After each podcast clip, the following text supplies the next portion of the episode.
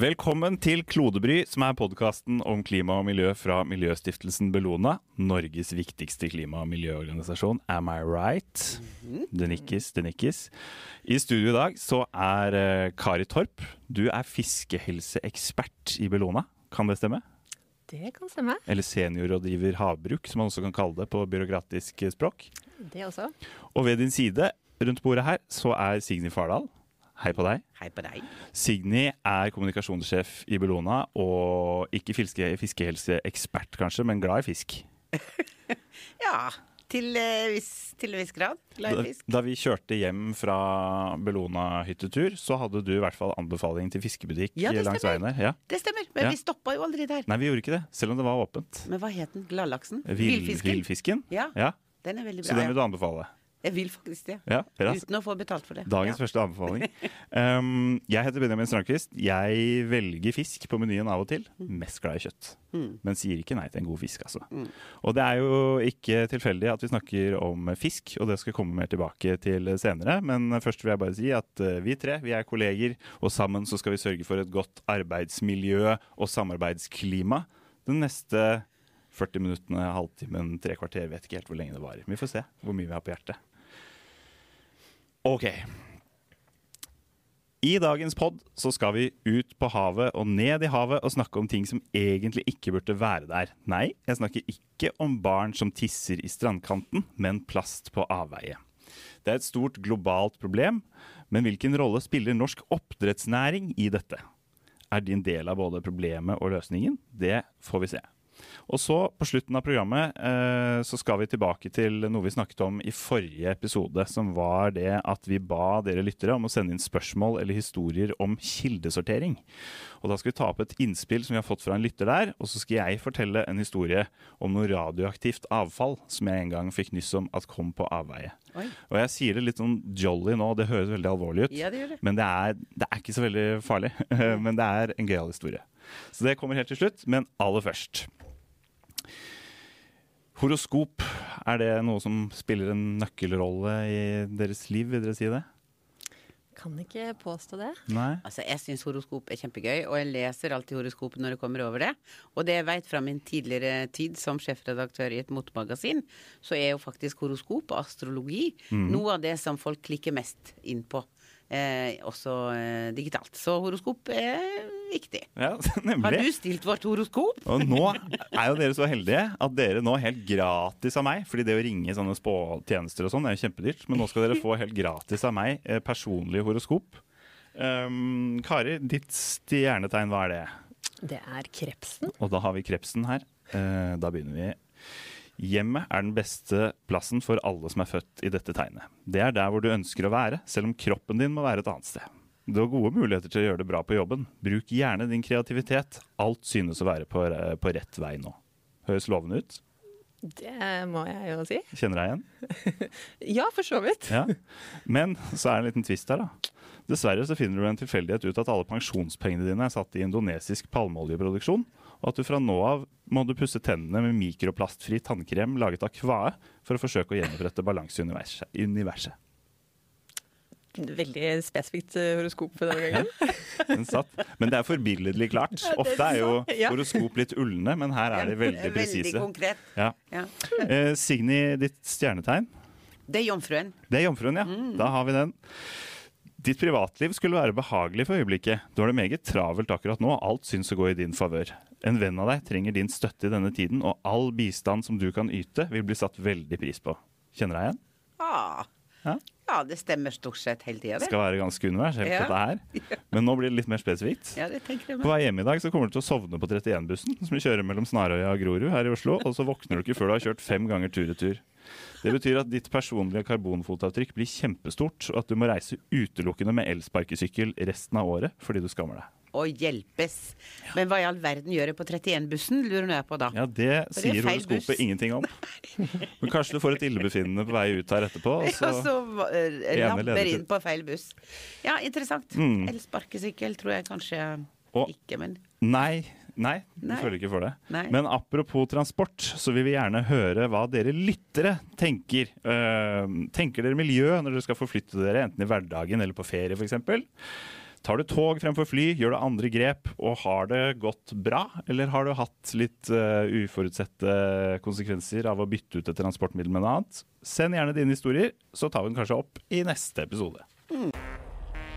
Human influence has warmed the atmosphere, ocean, and the land. A code red for humanity. How dare you! Climate change is here now. Store nedbørsmengder har ført til flom. Vi må være ærlig. Global oppvarming er en avgjørende årsak. FNs nye klimarapport advarer mot menneskeskapte klimaendringer. Plast i havet. Det har de fleste hørt om. Det har fått mye fokus i det siste. Jeg har lest meg opp på litt sånn hovedfakta hva gjelder eh, plast i havet. Nesten 80% av eh, plasten vi forbruker eller kaster, blir ikke resirkulert eller brent. Så veldig mye plast har jo potensial til å ende opp i havet. Og det jeg har greid å finne ut, er at åtte millioner plastgjenstander havner i vannet hver dag. Da snakker vi gjenstander av alle mulige slags Snakker vi da internasjonalt, holdt jeg på å si? Internasjonalt, ja. ja. Åtte millioner gjenstander. 8 millioner gjenstander. Eh, det er jo vanskelig å se for seg, men det tilsvarer altså et fullt lastebillass med plast rett på sjøen hvert minutt Ja, det er det. gjennom hele døgnet. Ja.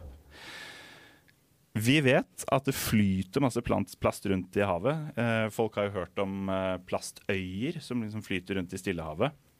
I praksis så er det jo ikke en sammenhengende klump av plast som du kan gå på som om det var en øy, men det er høy konsentrasjon av plast som sirkulerer i en stor havstrøm mellom, eh, mellom California og Japan. Det er der veldig mye ender opp til slutt. Fordi der er det en sånn sirkulerende havstrøm som samler masse plast inni seg. Og eh, dette har jo ø, store konsekvenser. Fisk og dyr i havet de får plast inni seg. De kan spise plast, eller de får i hvert fall mikroplast inni seg. Og så vikler de seg inn i tau og garn.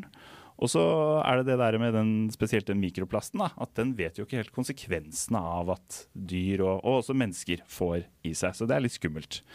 Og så er det veldig mye plast i havet som vi ikke ser, fordi at 70% av plasten den brytes litt ned, og så synker den etter hvert til bunns. Og der ligger den, og vi vet ikke hvor den er, og hvor mye det er, og hva slags skade den gjør. Det er det store bildet. Og så kommer vi ikke helt unna at en del av den plasten som er i havet, det er vårt verk. Altså Norges verk. Norsk industri sitt verk. Vi har en særlig stor næring som er veldig aktuell å trekke frem i den sammenhengen, og det er jo oppdrettsnæringen. Og Jeg skal ikke holde deg ansvarlig for oppdrettsnæringen, eh, Kari, men som seniorrådgiver på havbruk, så er du jo ekspert på eh, fiskehelse. Og i Bellonas havbruksteam så leder du et plastprosjekt som handler om denne problematikken.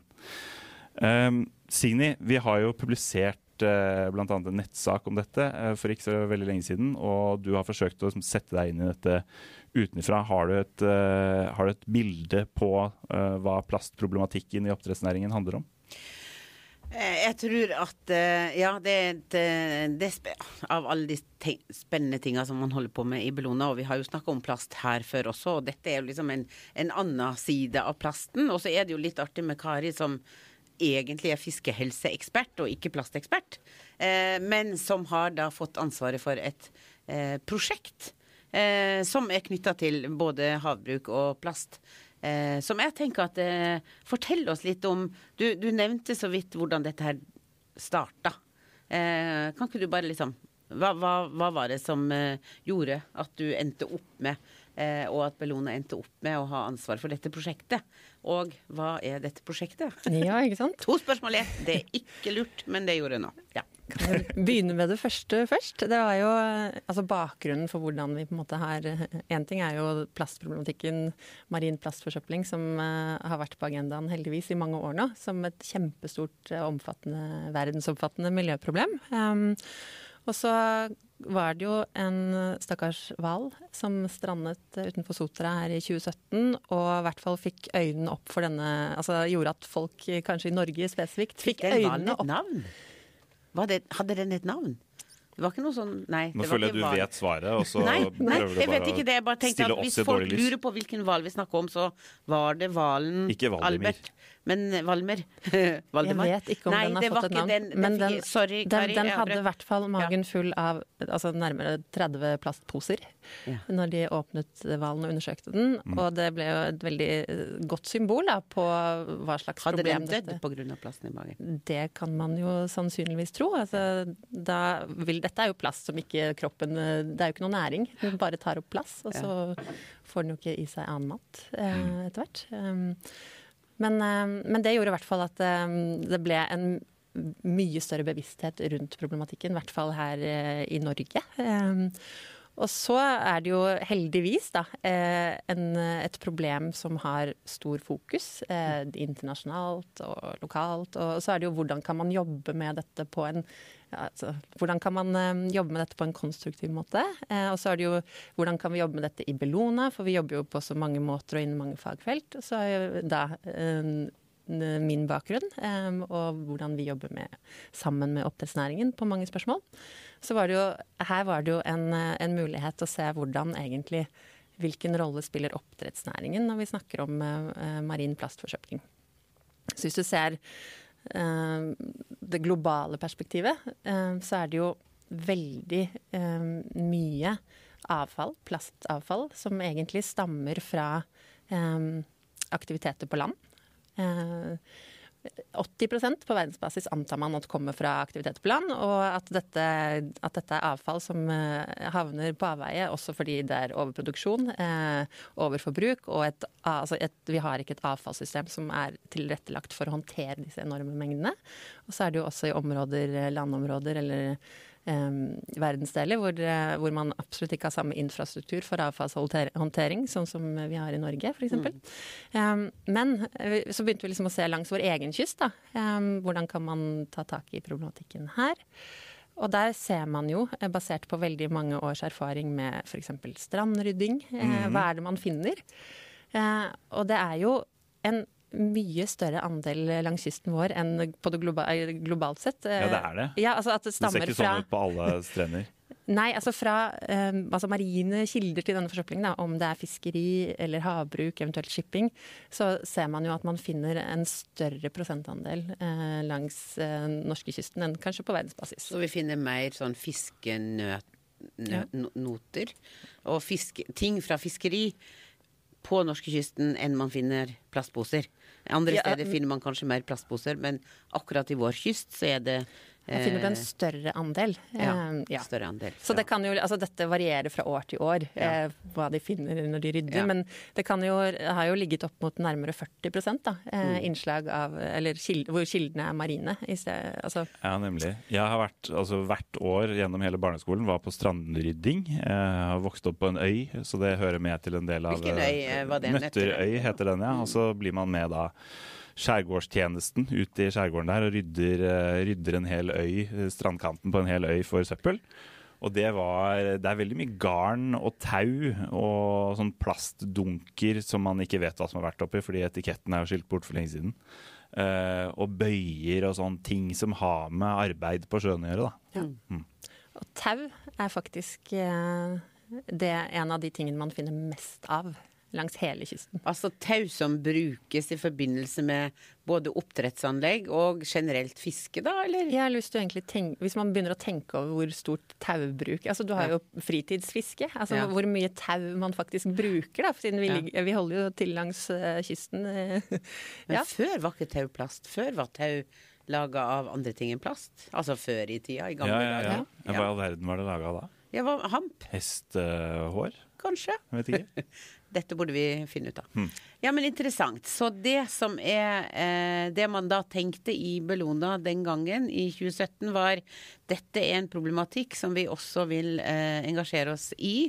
Og vi vil se på det som vi kanskje kan bidra med å gjøre en endring på. Det er nemlig havbruk, altså oppdrettsanlegg, fordi vi vet at de da bruker mye plast, da. Ja. Hvor mye plast er det de bruker i et sånt Vi vet, Anlegg? ja, det kan jeg også komme inn på. Det er um, Vi vet jo, eller som sagt, da, så er, jo, så er det jo en samlebås eh, når man snakker om marine kilder. Om Ja. det er fiskeri eller havbruk, så er det jo ikke alltid lett å identifisere. Sånn som du var inne på, er det, er det tau fra Vi snakker om metaforisk bås her nå. Vi snakker ikke akkurat oppdretts, oppdrettsanlegget har en bås som de legger plast oppi. Nei, Nei, for eksempel. Ja. Uh, og så er det jo, skal det jo også nevnes at eh, forbrukerrelatert avfall er det andre man finner mest av. Ja. Sånn, spesielt i tilknytning til der hvor det bor mange mennesker. da. Storbyer og tettsteder så finner man mer eh, forbrukerrelatert avfall. Men så er det jo denne veldig lange kysten vår, og jo lenger nord man kommer f.eks., finner man også et større innslag av eh, plast fra marine kilder. Så og så begynte man jo å se på Og så er det jo noe med når man snakker om eh, eh, hav, eller forsøpling, plastforsøpling av havet, så er det jo hele tiden viktigheten av å rydde, ja. Men det er jo enda viktigere å stoppe tilførselen. Ja. Og da må man jo se på de ulike kildene til forsøpling. Og der er det jo naturlig for oss å, å gå i dialog med, med oppdrettsnæringa. For de, som du var inne på, de er jo en storforbruker av plast Ja. i sitt utstyr i driften i sjø. Altså, et oppdrettsanlegg er jo i veldig stor grad basert på ulike plastprodukter eller plastutstyr. Alt fra Altså- liksom disse Altså de er, er jo i, i nø, store nøter. Eh, Ja. som er, mm, som Selve garnet. Ja, garnene. Som ligger på sånne festet i store flyteringer. Eh, Flytringen er av plast, garn er av plast. Men du, hva er en mære? Apropos, altså ja, det er, en mære Ja, en mære er dette her garnet og ja, En garnpose Ja. som henger ned fra en sånn ring. Ja. Og inni der er det veldig mange fisk. Kan være opp mot kanskje 200 000 fisk inni en sånn. Ja, for hvor svær er en sånn Når man ser et oppdrettsanlegg fra luften, så ser man jo bare noen ringer i vannet. Hvor langt ned går de Ja, det kan jo fort være 50 meter dype. Det er såpass, ja. Hver og en Og så er det jo en ring kanskje 160 meter i omkrets. Altså det, er, det er veldig store dimensjoner da, som man kanskje ikke er klar over. Og så Ja. er det igjen veldig stort bruk av tau. Um, så ja. Det er på en lokalitet så er det kanskje i snitt eh, i bruk over 300 tonn plast. Så ett oppdrettsanlegg bruker ca. 300 tonn plast. Og denne plasten da løsner fra anlegget, eller forsvinner, eller ryker, eller skylles inn på landet. Ja, så er det jo todelt, da. Eh, Ja. Hva man på en måte Én ting er jo at eh, det er mye plast, eh, som eh, gjør at eh, man også Hvor mye? 300 tonn, da, cirka? Du, det er, eh, det er 150 stykker av eh, Norges mest solgte bil, Tesla modell 3. Og, og den er jo I ren vekt, ja. ja. Akkurat. Mm. Så det sier noe om mengden. Ja. På ett anlegg. Ja, Ja, og det er kanskje 1000 anlegg i drift Ja. langs kysten. Ja. Og de, det er jo drift langs hele, store deler av kysten, da, så, så her er det jo på en måte både et ansvar om å ta vare på plasten som er i bruk, og sørge for at den eh, går inn i, i et videre gjenvinningsløp. Da. Um, og det andre er jo at det som er av utstyr ikke havner på avveie til omgivelsene og blir eh, marin, altså søppel. Og der er det jo, så må man jo, og så var det jo også dette vi vi ønsket jo å se på hvordan vi kunne jobbe med næring på dette. og få, En ting er jo bevisstgjørelsen, men hvordan kan man konkret jobbe for å sikre både, både at de ikke havner på avveie, og at man sørger for et resirkuleringsløp for utstyret. Um, så det endte jo med at vi um, inngikk et samarbeid med en stor oppdrettsaktør som heter Grieg Seafood. Oh, ja. Um, Ja. et stort oppdrettsselskap. Um, Starta Edvard Grieg. Ja.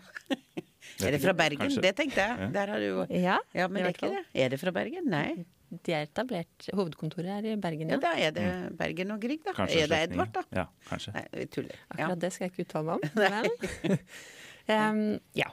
Så, så det prosjektet begynte jo med at vi sammen eh, begynte å se på ok, hvor mye plast bruker man, da. For det var, visste man jo ikke da. Eh, og så begynte Grieg å sette seg ned. Oi. Se på alle de ulike typene eh, plastutstyr de har. Og, og um, hvor mye det er, og hva som faktisk skjer med det når de leverer det til avfall. For det vet man jo ikke nødvendigvis eh, noe om. Så lenge de håndterer avfallet sitt. Så er det i dag ingen eh, regler for sortering eh, for at det skal kunne gjenvinnes. Og det er heller ingen regler for at eh, det ikke Altså det er lov å grave det ned. Deponere det. Altså, så grave ned på Bare grave det ned? Ja. Ikke hvor som helst. Nei. Nei. Men det er fortsatt lov å grave det ned. På avmerkede områder. For eksempel. Nei, men eh, det er faktisk en billigere løsning i, i mange sammenhenger, da. Um, Enn å måtte resirkulere det. enn å frakte det til Ja. der hvor det er mulig å resirkulere det. Riktig. Og selve plast i seg selv er jo en utrolig kompleks problemstilling, fordi det finnes så mange typer kvaliteter og så mange forskjellige kjemier og sammensetninger og sånn. Dette har vi en helt egen episode om, som man Det kan gå og høre på så hvis man er ekstra interessert i det. Mm. Men ja, det er ikke bare plast er plast, og alt skal håndteres på en og samme måte, nei. Nei. nei. Det er jo ikke det. Og det er jo, det er jo den ene delen her. Eh, Og så er det jo på en måte hvordan kan man eh, få en bevissthet rundt selve håndteringen av utstyret ute på anleggene. da. Både for å liksom sørge for at det, eh, de som kjøper inn, kjøper kvalitet som, som gjør at utstyret kan vare lenger. Sånn at det Eh, ikke ryker og f- ja, men også at det har en lengre levetid, så du Ja. minimerer eh, avfallsproduksjonen. Men også at det ikke Kanskje at det avgir mindre mikroplast. Mm. Um, og så er det jo eh, også hvordan man eh, er bevisst rundt taubruk. Det, er- det er jo eh, ikke til å unngå at det havner sannsynligvis en del tau på avveie. Det, Mm. mye, eh, det har vært mye praksis for å kappe tau, eh, fordi at det er store, kjempestore operasjoner når man skal håndtere dette utstyret. Det, er, det må sikres, på, og da bruker man tau. Um, og så er det jo da hvordan kan man på en måte se på andre løsninger. Uh, og sånn som vi har jobbet sammen med Grieg, så er det jo noe med å få inn rutiner for å knyte dette tauet i stedet. Så har du jo plutselig kontroll på det. Sånn, Altså, det, det er veldig enkelt. Altså, hvis du har en liten taustump, Ja. eh, eller ja, som tau for å feste, og når du skal løsne dette tauet, så er det veldig enkelt å bruke kniv. Bare skjære det av. Ja. Ja, for da blir det liksom avskjær. Ja, Ja, og da, da kan det veldig lett havne på avveie, Ja, selv om man er bevisst på det.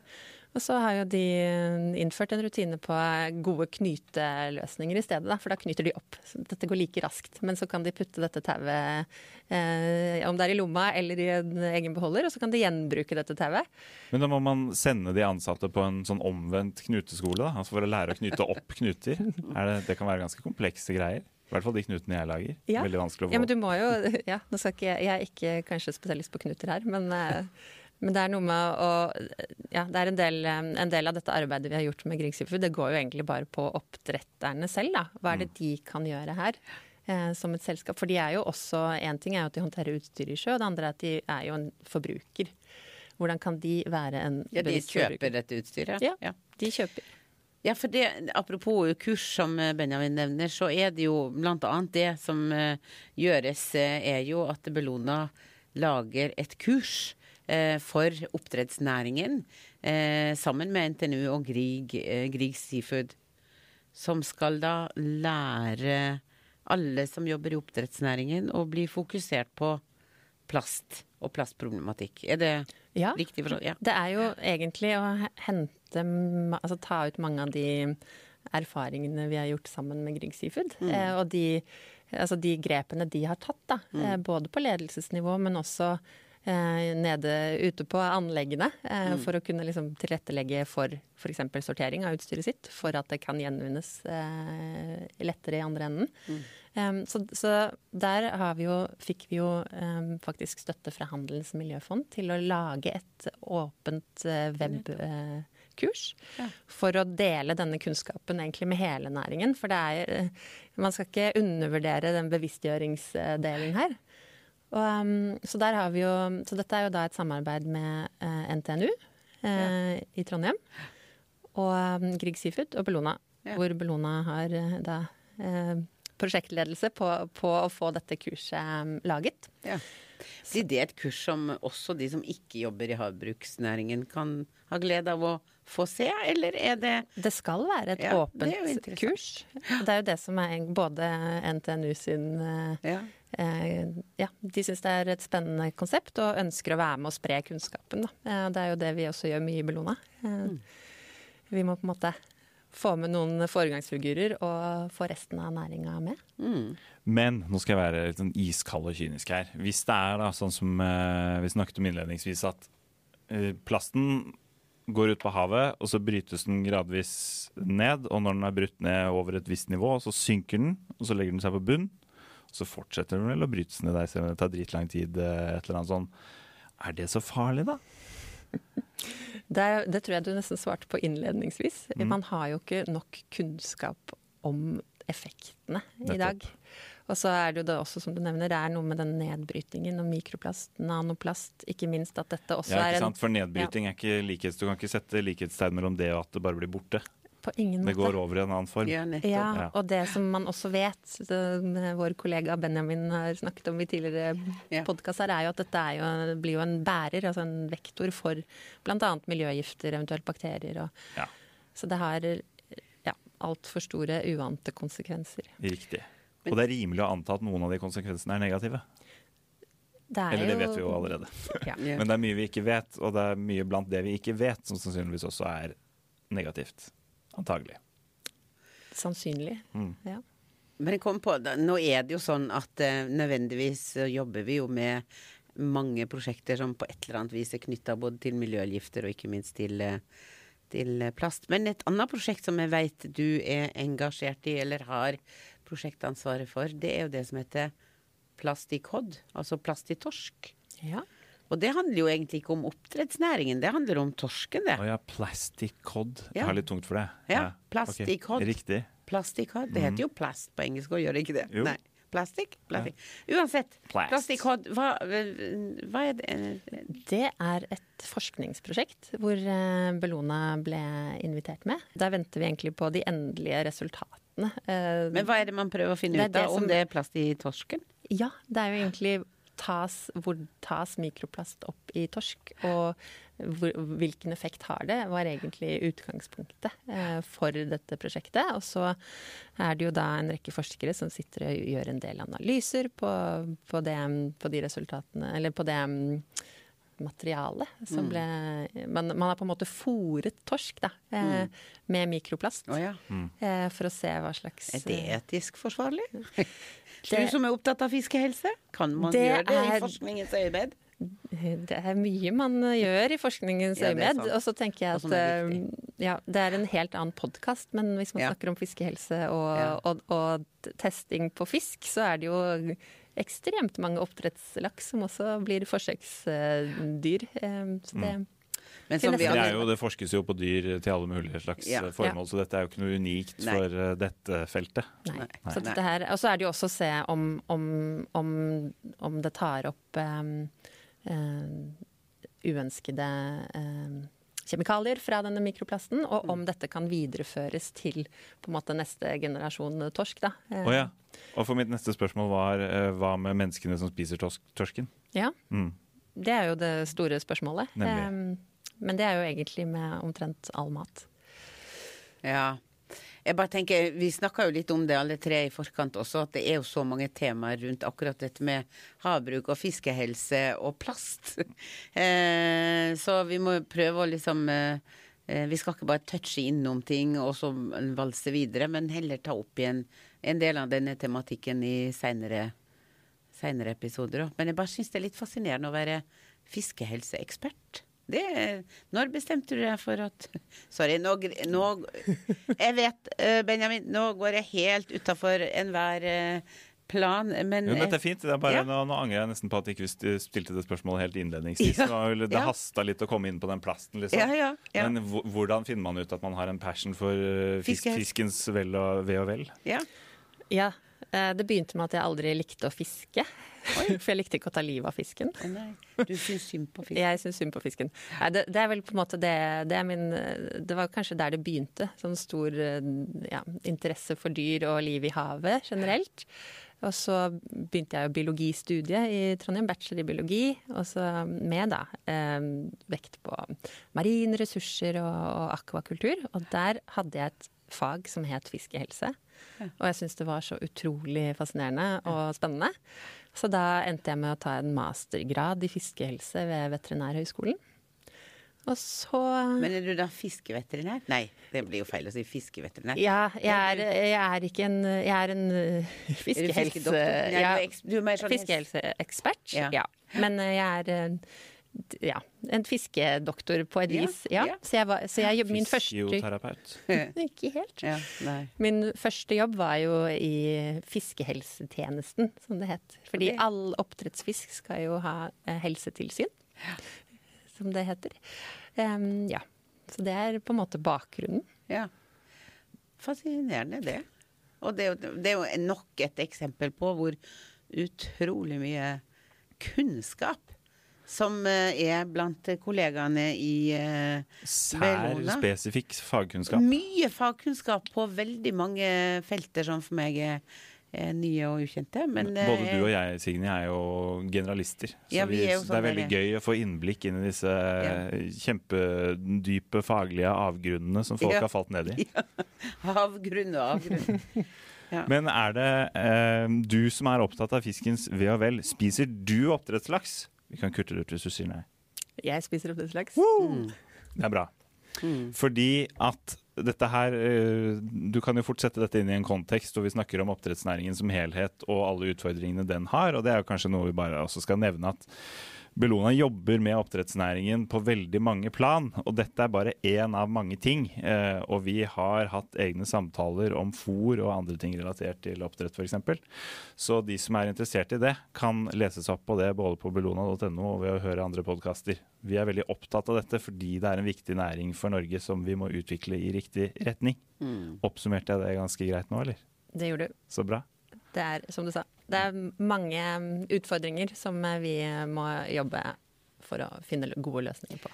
Ja, og igjen også en liten ting til, apropos det som du sier, Benjamin, som er vel eh, noe av det som karakteriserer hvordan Bellona jobber i dag, er jo at vi prøver å løse ting sammen med aktørene i næringslivet. Og derfor, eh, når vi sier at eh, eh, havbruk, sjømatsindustrien er veldig viktig, eh, så er det veldig viktig at vi deltar i arbeidet med å utvikle den i rett retning. Eh, Så det at vi jobber sammen med Grieg Seafood, at vi jobber sammen med Sjømat Norge og alt mulig sånn, det er jo bare det, er det som er på en måte kjernen i hva, hvordan Bellona jobber. Du jobber jo med mange aktører Ja, også. masse rart. Ja. Men eh, føler dere at vi brenner inne med her nå, som noe sånn helt fatalt som vi har glemt? Om eh, fiske... Om fisken, ja. Jo, men jeg hadde lyst til å bare si én ting, fordi at jeg kom på når vi snakker om eh, det, Dette er også litt utafor manus, men når vi snakker om det med utstyr fra eh, fiskeoppdrettsnæringen som er på avveie, så veit jeg om at det er en fabrikk eller en bedrift som har laga en stol eh, som bare er satt sammen av eh, plast fra eh, havet. Altså marin forsøpling. Eh, Det er bare det at jeg husker ikke eh, hvem det var som gjorde det. Men den stolen har jeg både sett, sett på, og kanskje til og med sittet i. Og når Så- du sier det, Ja. så kommer jeg på at bilprodusenten Hyundai har en modell som heter Ioniq 5, og der er interiøret laget, i hvert fall en viss prosent av interiøret, laget av eh, resirkulert marin plastforsøpling. Ja. Og det lukter faktisk litt grann tang og tare i den kupeen hvis man eh, sniffer inni en sånn bil. Ja. Men det tror jeg kanskje bare er noe sånn syntetisk lukt som de har satt til. De kan så lenge det- For at det det. skal gi det inntrykket. Ja, de kan, ja. Men, At det skal men, eh, føles miljøvennlig. Ja. Da må jeg bare spesifisere. Fordi når man snakker om marint eh, avfall, så er det jo to ting. Det ene er jo på en måte om det er den marine altså forsøplingen da, som man har altså, ryddet fra strender eller Ja. havet, eller om det er um, avfall levert inn til avfallshåndtering fra f.eks. oppdrettsnæringen eller fiskeri. Ja. For da, det er to, når dette som man samler inn, har jo, eller som man ja, plukker opp og, og rydder, da, har- Som man resirkulerer. på det er jo ja. ikke så veldig lett å resirkulere, for å si det sånn. Fordi det er så veldig mange ulike kvaliteter, og kanskje forringet kvalitet, at det holder kvalitet. Så plastgjenvinning i seg selv er jo en ganske omfattende prosess, og man krever egentlig det krever, For å få et godt produkt, eh, plastprodukt fra gjenbrukt plast, så krever det også at man har veldig god innblikk i hva slags plast man putter inn i denne resirkuleringskjeden. Nemlig. Ja. Og som en av våre kolleger sa i en tidligere episode, det er slett ikke all plast som skal resirkuleres. Noe av det må brennes på høy temperatur for å få eh, miljøgifter ut av kretsløpet. Ja, Det er kjempeviktig. Men, og det tar meg egentlig tilbake til start, eller til hvorfor vi også jobber med oppdrettsnæringa. Fordi det er, nei, men det er jo store mengder, og det som også er viktig med disse store mengdene i oppdrettsnæringen av plast, er at veldig mye av det er høykvalitet plast. Som absolutt egner seg for, eh, for eh, videre gjenvinningsløp, da, og kan brukes i nye produkter, sånn som du nevnte. Nei, med mindre man bare kjøper First Price eh, fiskegarn og tau. Har de fiskegarn og tau på før? Å ja. Kanskje for bedriftsmarkedet. Vet ikke. Mm. Um, siste spørsmål eh, til deg, Kari. Eh, hva liker du minst av marin plastforsøpling og marin Le Pen? Hvis du må velge. Du kan få tygge på det til neste gang.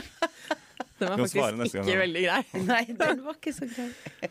Der sammenligner du ikke epler og pærer, i hvert fall. Nei, Nei. nei, riktig. Bra. Diplomatisk svar. Uh, men er du god på å kildesortere plast hjemme? Jeg prøver å være god på det. Ja. For det er, det er ikke til å stikke under stol at det der med å sortere ting riktig, det er vanskelig. Og selv ikke i, på Bellona-kontoret er det full kustus på hva som skal i hvilken avfallsdunk i kontorlandskapet der.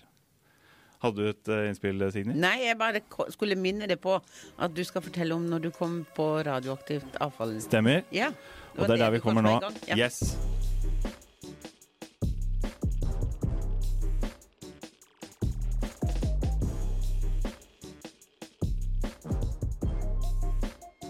Hvordan har det vært å være gjest, uh, syns du, Kari? Det er første gang du er her. Veldig hyggelig. Ja. Litt sånn, Vi havner jo litt utpå uh, er forskjellige temaer, gjør. men det er gøy. Ja. Var det som du trodde? Ja. Jeg hadde vel egentlig ikke sånn kjempe Jeg hadde ikke, gjort, jeg hadde ikke tenkt så mye gjennom det på forhånd, Nei. faktisk. Tusen takk. Det er veldig hyggelig at du sier det.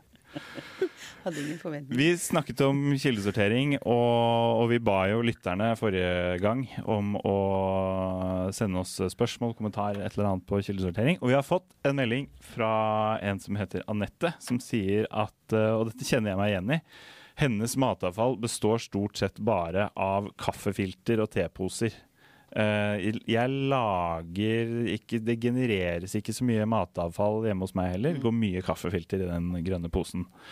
Er det, og hvis dette blir dyrefòr, um, som man liksom har fått uh, høre at det blir, jeg vet ikke om det stemmer engang, jeg, så risikerer jo de grisene som skal spise dette i andre enden, å få koffeinsjokk uh, hvis for mange gjør sånn som det. Så er det, er det sånn, Tror dere at de måler koffeinnivå på matavfallet som kommer inn på en eller annen måte for å hindre at For det er ikke noe gøy hvis en sånn purke på 500 kilo får skikkelig fnatt.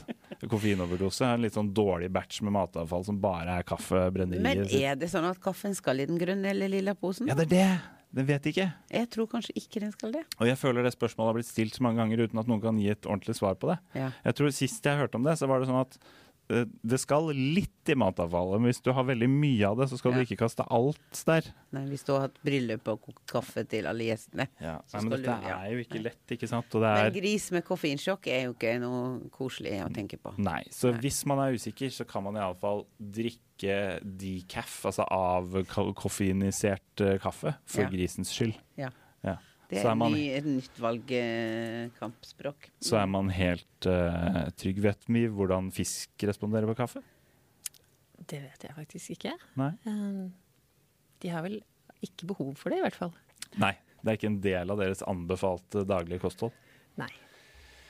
Ok, jeg, jeg snakket også om en radioaktiv episode. Eh, dette stammer fra min tid som student. Da var jeg med i studentavisen Universitas. Og, og vi, Det har vi ikke snakka om! fett! Fett! Reunion. Wow! Reunion. Da uh, leste jeg gjennom Offentlig postjournal, som man ofte gjør, som er et loggsystem for all slags mulig eh, korrespondanse mellom offentlige instanser. Og et sted i den offentlige postjournalen så kom det frem at eh, Universitetet i Oslo ved Fysisk institutt hadde gjort en glipp og rett og slett eh, brent radioaktivt avfall som skulle ha vært eh, skulle ha vært håndtert på en helt annen måte. Altså Det skal jo lagres, det er veldig strengt hvordan det skal håndteres. Jeg vet ikke hva de egentlig skulle ha gjort. Men de skulle i hvert fall ikke brent det. Men det var det de gjorde, og det gikk rett ut eh, i lufta eh, her i Oslo. Og mm, ja, det fant vi ut. Det var en sak som fikk eh, nasjonal eh, merksemd da vi slo det opp i Universitas, for det var jo et eh, alvorlig rutinebrudd. Nå viste det seg at mengden var så lite at det medførte ingen fare for liv og helse. Men kanskje, kanskje de jodtablettene du har skaffa deg nå i det siste, kommer til sin nytte fordi Universitetet i Oslo driter seg ut. Det var ikke det du så for deg. Nei, Nei det kan hende. Nei. Da kjenner jeg og dere at nå er det blitt på tide å runde av for denne gang. Ja, men jeg har et Shit. Hva i all verden gjør Fysisk Hva? institutt med radioaktiv? De forsker på ting, da. Ja, de gjør det. Ja. Ja, ikke tenk så mye på det. Nei, Nei. Kanskje noe, noe gjennomlysning av noe Ja. Jeg vet ikke. Nei. Og så er det sånn at ehm, har du ikke sant, en oppfordring til deg hjemme. Har du radioaktivt hjemme, ikke brenn det bak huset. Mm. Uh, I hvert fall ikke nå, for nå er det generelt bålforbud. Og så er det ekstra tørt i tillegg. Så Mm. veldig dumt å brenne bål, spesielt hvis det inneholder radioaktivt avfall. Um, nå har det blitt på tide å runde av uh, for denne gang. Og husk å sende oss din uh, transport om du har endret dine transportvaner som følge av en klima- eller miljøbevissthet. Eh, reiser du med tog istedenfor fly, f.eks. Vi vil høre hva slags grep du har tatt på transportfronten der ute, og så tar vi det opp neste gang. Du har hørt en episode av Klodebry. Det er en podkast fra miljøstiftelsen Bellona. I hvert program så tar vi for oss et eller annet som kan bidra til å redde planeten vår. Hvis du liker det du nettopp har hørt, så bør du også følge oss i sosiale medier, og selvfølgelig abonnere på denne podden du hører på akkurat nå. Denne episoden har blitt til med økonomisk bidrag fra Rana Gruber og NOAH. Send oss også andre generelle spørsmål og kommentarer til klodebry at bellona.no.